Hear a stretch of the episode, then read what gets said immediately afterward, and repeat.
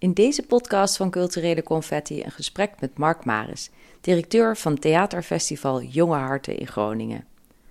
Ik ben Julie Vechter en ik heb Mark uitgenodigd in de eerste Bergense boekhandel in Bergen. We gaan samen op kaftenjacht, een associatieve wandeling langs de boekenplanken.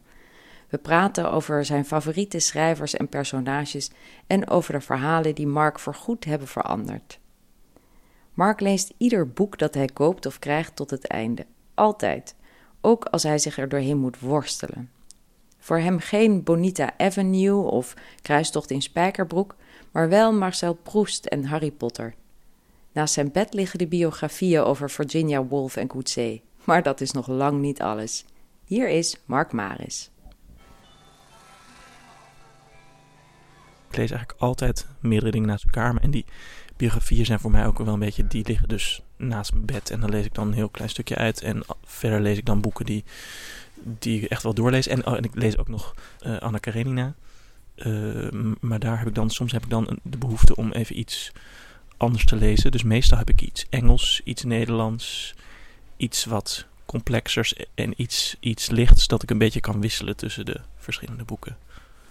En is er een hoofdpersoon uit een boek die je bijgebleven is, uit de andere boeken die je gelezen hebt? Echt zoveel. Um, Wie is je favoriet? Oeh, dat zijn echt wel veel hoor.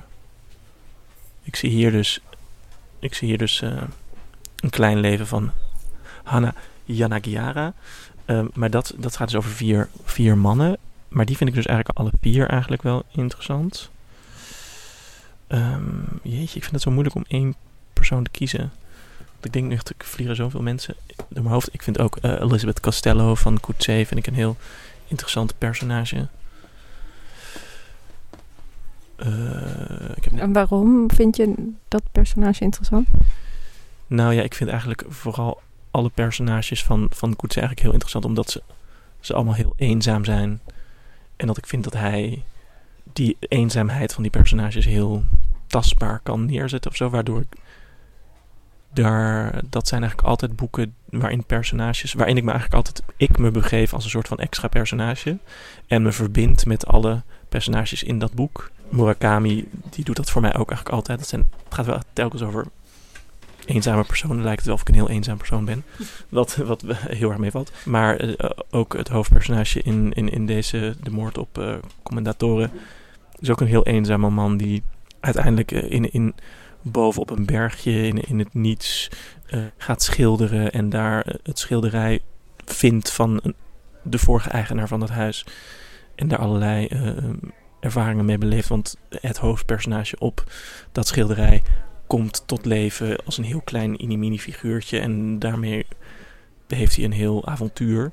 Maar dat is ook zo'n persoon dat heel, wat heel wat eenzaam is, maar ook heel herkenbaar en heel menselijk. En ik vind het wel heel fijn, wat, zoals ik net ook zei, dat om te verbinden met de personages. Wanneer iets heel droog is en heel abstract, zoals poëzie of zo, dan kan ik me wel verbinden aan die taal en de schoonheid van die taal. Maar dan kost me dat wel veel meer moeite. Dan moet ik daar wel veel meer energie in steken. Terwijl als het echt personages zijn, echt van echt een beetje vlees hebben, dan, dan, dan kan ik me daar wel echt makkelijker mee verbinden. En dan verlies ik mezelf ook veel meer in boeken. En dan, dat zijn meestal wel meer de boeken waar ik dan ook, waar, waar ik meer aan terugdenk.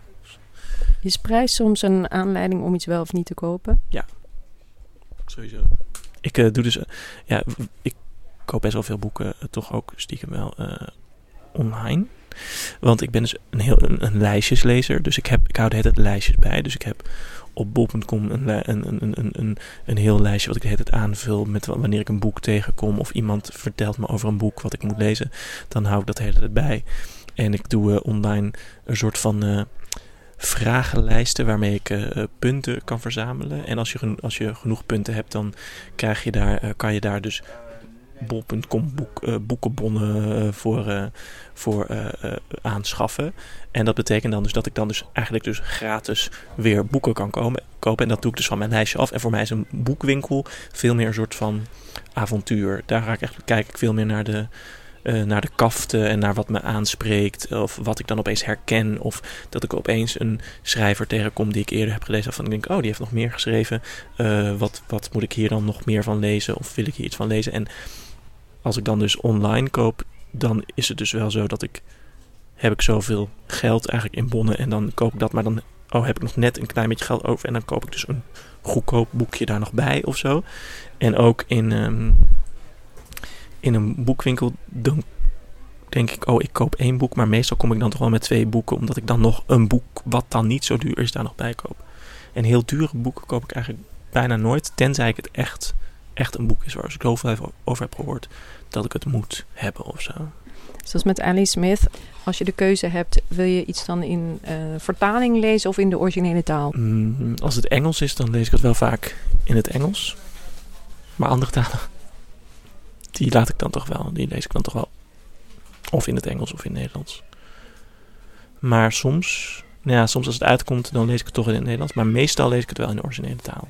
En dit is nu het derde boek van Annie Smith? Nee, het zijn er veel meer.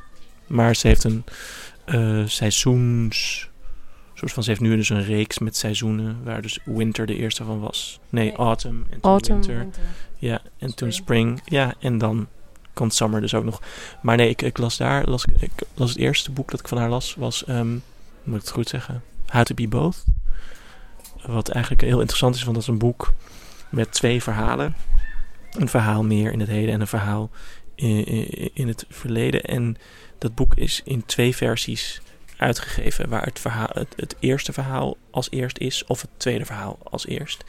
Uh, en als je dus spreekt met mensen die het boek hebben gelezen, dan hebben ze allemaal een andere ervaring en vinden allemaal dat dat boek, wat, uh, dat, wat dat verhaal dat bij hen als eerst was, dat dat ook als eerst moest zijn. En ik heb dat door iemand aangeraden gekregen.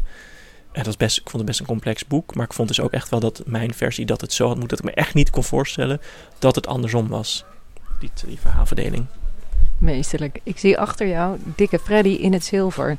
Erik Vlaming. Uh, nee, daar, loop ik echt, daar lopen we snel voorbij. Dat vind ik echt... Nee, dat nee, vind ik echt helemaal niks. Oké, okay, gaan we dus gauw verder. Nog even keer. Dus echt wel een klein leven, dat moet echt wel iedereen lezen. Heb jij dat gelezen? Nee, waarom moet ik dat lezen? Nou ja, dit is echt, het is zo heftig. Uh, het gaat dus over een vriendengroep en nou ja, het gaat over die liefde ook tussen die vrienden en enorm heftige gebeurtenissen allemaal. Maar hier ben ik dus echt doorheen gevlogen. En dat heb ik af en toe. waren zulke heftige gebeurtenissen dat ik in de trein zat en dat ik echt het boek dicht moest doen omdat ik anders heel hard ging overgeven of, uh, of, uh, of huilen midden in de trein. En dat ik dat echt niet, uh, echt niet aankon. en uiteindelijk ging ik, echt, ging ik nou dus echt zo letterlijk op de rem. Dan ging, mocht ik echt van mezelf elke keer maar twee bladzijden lezen. Omdat ik het niet, niet wilde uitlezen. Omdat ik me zo verbond aan, aan die personages. En dan, dan voel ik altijd een beetje een soort van echt wel een, een semi-depressie als het voorbij is. Want dan, dan wil ik gewoon dat het doorgaat. Ik zie daar Joke Hermsen staan. Oh. Ook met sticker 12,5. Vind ik ook leuk. Maar ik heb nog nooit een, uh, een, uh, een ding van haar gelezen. Hoe heet dat? Nee, een roman. ik heb eigenlijk alleen maar een soort van meer filosofische werken van haar gelezen. Stil de tijd, volgens mij. Over tijd en over het verschil tussen de kloktijd en de en de innerlijke tijd. Ehm, dat vond ik wel heel interessant. Dat heb ik gelezen. Ben ik toen een keer gelezen omdat ik ging solliciteren voor, voor een dramaturgiebaan. En uh, dat ik uh, helemaal geen werk had. Dus ik had alle tijd. Dus ik kon me heel lang voorbereiden op die, op die opdracht. En toen dat de opdracht was. Um, neem een werk van Eugene O'Neill, Amerikaanse uh, dramaschrijver. en verbind, kies een van zijn teksten en verbindt het met uh, het gedachtegoed van Joke Herms. En ik dacht alleen maar, wie de fuck is Joke Herms? Ik heb nog nooit een stuk van O'Neill gelezen. Dus toen ben ik echt een soort van diagonaal door, door een, een, een tal van werken van, uh, van uh, O'Neill gegaan. En ik heb eerst een soort van twee boeken van Joke Herms in een soort van heel snel gelezen. En toen vond ik het tijdsidee, sprak me daar het meest aan. En toen... Um, uh, toen ben ik dus zo diagonaal door, door een aantal teksten gaan van hoe, waar kan ik dit op toepassen, waar kan ik dit op toepassen. En dat was toen The Iceman Cometh, waar ik nog nooit van had gehoord en wat zo'n heel Amerikaans stuk was. Maar um, toen heb ik wel een aantal werken van Joke Hermsen gelezen. Maar ik heb dus nog nooit een roman van haar gelezen. Dus dat is misschien nog wel een keer wat ik zou moeten doen. Heb je de baan ook gekregen? Ja, ja, ja, zeker. Ja, zeker. En ook. Heb je de voorstellingen van eh, Een Klein Leven ook gezien? Nee, omdat het elke keer uitverkocht is. Oh ja, dus niet dat je denkt van ehm, het boek is beter dan film of voorstellingen, dat je het bij het boek houdt. Nou ja, het is vast beter. Het boek is vast beter. Maar, maar ik had het best willen zien. Maar ehm, misschien komt dat nog. Oh ja. Hier ben ik dus ook mee beg- begonnen. Ik, had dus, ik heb dus alle delen, omdat ik zo vaak over Marcel Proust had ge- gehoord en, en eh, op zoek naar de verloren tijd. En toen kwam er een heel nieuwe eh, uitgave, hele serie eh, uit met allemaal super mooie kaften wel. Een beetje abstract met allemaal mooie kleuren. Ze hebben allemaal een eigen kleur. En toen heb ik die dus allemaal op mijn lijstje gezet. Toen ben ik de eerste gaan lezen. Vond dus echt niet om door te komen. Maar ze staan nog wel steeds op mijn lijstje. Omdat ik dus denk, ik ben nu begonnen met die serie. Nu moet ik eigenlijk die serie uitlezen. Maar het zijn ook echt pillen van de weet niet wat. Maar ja, ze vonden dus best wel, best wel ingewikkeld. Maar ik vond het wel heel leuk dat ik eindelijk soort van bij de passage kwam over de eh madeleines, de koekjes. Eh, en dat ik dacht, nu heb ik eindelijk dat bekende stukje tekst gelezen. En- Wat zie je nog meer? Oh, wat zie ik nog meer? Oh ja, ik zie ehm Wees Onzichtbaar. Dat moet ik nog steeds lezen. Dat, dat heb ik nog steeds niet gelezen. En dat heeft ook allemaal prijzen gewonnen. En Waarom moet je dit dan lezen? Ja, omdat, omdat dat dus allemaal prijzen heeft gewonnen. nee, en omdat het ook over, over een andere wereld gaat. Een wereld die ik niet zo goed, die ik niet ken. En dat ik dan, dat ik toch ook lees om, om andere mensen te begrijpen of of, of andere verhalen te... Oh, leuk geluid. Ehm, eh, nou, dat is wel leuk. Mensen komen hier dus echt zeggen dat ze blij zijn. Dat vind ik wel mooi. Ehm, eh, ja, dus dat ik ook echt wel boeken lees om, om andere werelden te begrijpen. Dat ik ook op een bepaald moment tegen mezelf zei: Oké, nu moet ik gewoon echt eindelijk een keer. Mijn hele boekenkast is zo wit. Ik moet nu zwarte schrijvers gaan lezen. Oké, we gaan nu even de kinderhoek in, want dat vind ik... Dat leek me ook wel leuk. Dat zijn toch ook herinneringen, toch? Dat, daar is het toch begonnen. Ik, ik verslond vroeger echt boeken. We hadden van die Disney-boekjes. Mijn moeder was zo ergens... Het was zo abonnee op, op Disney-boekjes. En dan kregen we elke twee maanden een Disney-boekje of zo. En die had ik, ik dus allemaal aan één stuk doorgelezen. Ik vers, verslond ik echt helemaal boeken. We hadden ook... eh, ik woonde dus in een heel klein dorpje. En ik ging in een nog kleiner dorpje naar school. Ehm, en daar hadden we dus... We hadden wel in eigen dorp hadden we wel een bibliotheek. Daar leenden we ook wel boeken. Maar voor school kwam er een bibliobus. En dan mochten we dus in de bibliobus mochten we een aantal boeken mochten we, eh, mochten we uitkiezen. Maar die had ik altijd al uit voordat, eh voordat het einde van de week was. En ik deed, ik deed ook mee aan de eh, kinderjury lezen en zo. Dan moest je echt superveel boeken lezen. Dat vond ik dan soms af en toe wel een beetje tergend. Dat vond ik eigenlijk ook, ook op school vond ik dat ook wel tergend. Eigenlijk dat je zo boeken moest lezen. Dat is wel waarom ik uiteindelijk bij mijn studie niet gekozen heb om literatuur te doen. Omdat ik dat blijkbaar erger vond om soort van boeken te moeten lezen... dan dat ik het erg vond om voorstellingen te moeten zien. Ah, te grappig, want je leest knetterveel. Ja, ik ben gewoon... Ik, af en toe ben ik een beetje een te kwantitatieve lezer en te weinig kwalitatieve lezer. Ik heb dus net Miss Dalloway, uit en daarmee had ik wel dat ik, eh, dat ik mezelf dwong om een keer echt rustig te lezen en er niet doorheen te lezen. En dat is ook wel waarom ik af en toe wel nog een boek opnieuw lees, omdat ik de eerste keer er soms wel een beetje doorheen duw of zo. En als ik dan iets te, te snel heb gelezen, maar het wel heel interessant vond, dan lees ik het so- soms nog wel een keer. Ik zie daar een boek dat toch wel mijn wereld heeft veranderd. Wel een boek. Nou ja, het is niet het letterlijke boek, maar eh, het Harry Potter. Ik hou echt van Harry Potter. Ik had van mijn, eh, van mijn oma een, eh, een trui gekregen met een, een teddybeer erop. En mijn oma overleed. En die, die trui vond ik echt heel bijzonder. Maar mijn moeder ruimde wel zo één keer in de zoveel tijd kleren op. En die gaf ze dan aan vrienden van vrienden of aan, aan mensen die we kenden. En eh, dat had ze dus een keer gedaan. En toen had ze ook die trui weggegeven, omdat ik daar echt al lang niet meer in paste. En, en daar heb ik toen echt enorme hijza over gemaakt. En toen heeft ze die teruggevraagd. En eh, nog voor dank van de andere kleding en de sorry van dat, ik, dat we deze trui hebben eh, aangenomen, kwam diegene. Diegene gaf ook, was een juf op de school waar ik ook, waar ik ook op had gezeten. Groep 3, 4 of zo. Ik was al, ik was, zat al in groep 7, 8 volgens mij. Ehm, die, die kwam toen met een boek als, als Dankjewel. En dat was dus de, het eerste werk van Harry over Harry Potter. En dat vond ik zo fantastisch. En het, dat was in de tijd dat Harry Potter nog niet helemaal uit was gekomen. Dus toen waren alleen het tweede en het derde boek ook al uit. En die heb ik toen in één keer gekocht en ook in één keer uitgelezen. En toen alleen maar gehunkerd naar dat het volgende boek uitkwam. En op elk moment dat het boek uitkwam, echt de eerstvolgende dag naar de boekwinkel om dat boek te halen. Dat heb ik echt, dat heb ik echt opgevreten. En dan heb ik ook echt, die boeken heb ik ook allemaal drie keer gelezen, sowieso.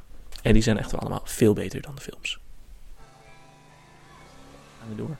Ja, ja, ik zei dus dat ik drie is te veel best wel een heftige titel vind.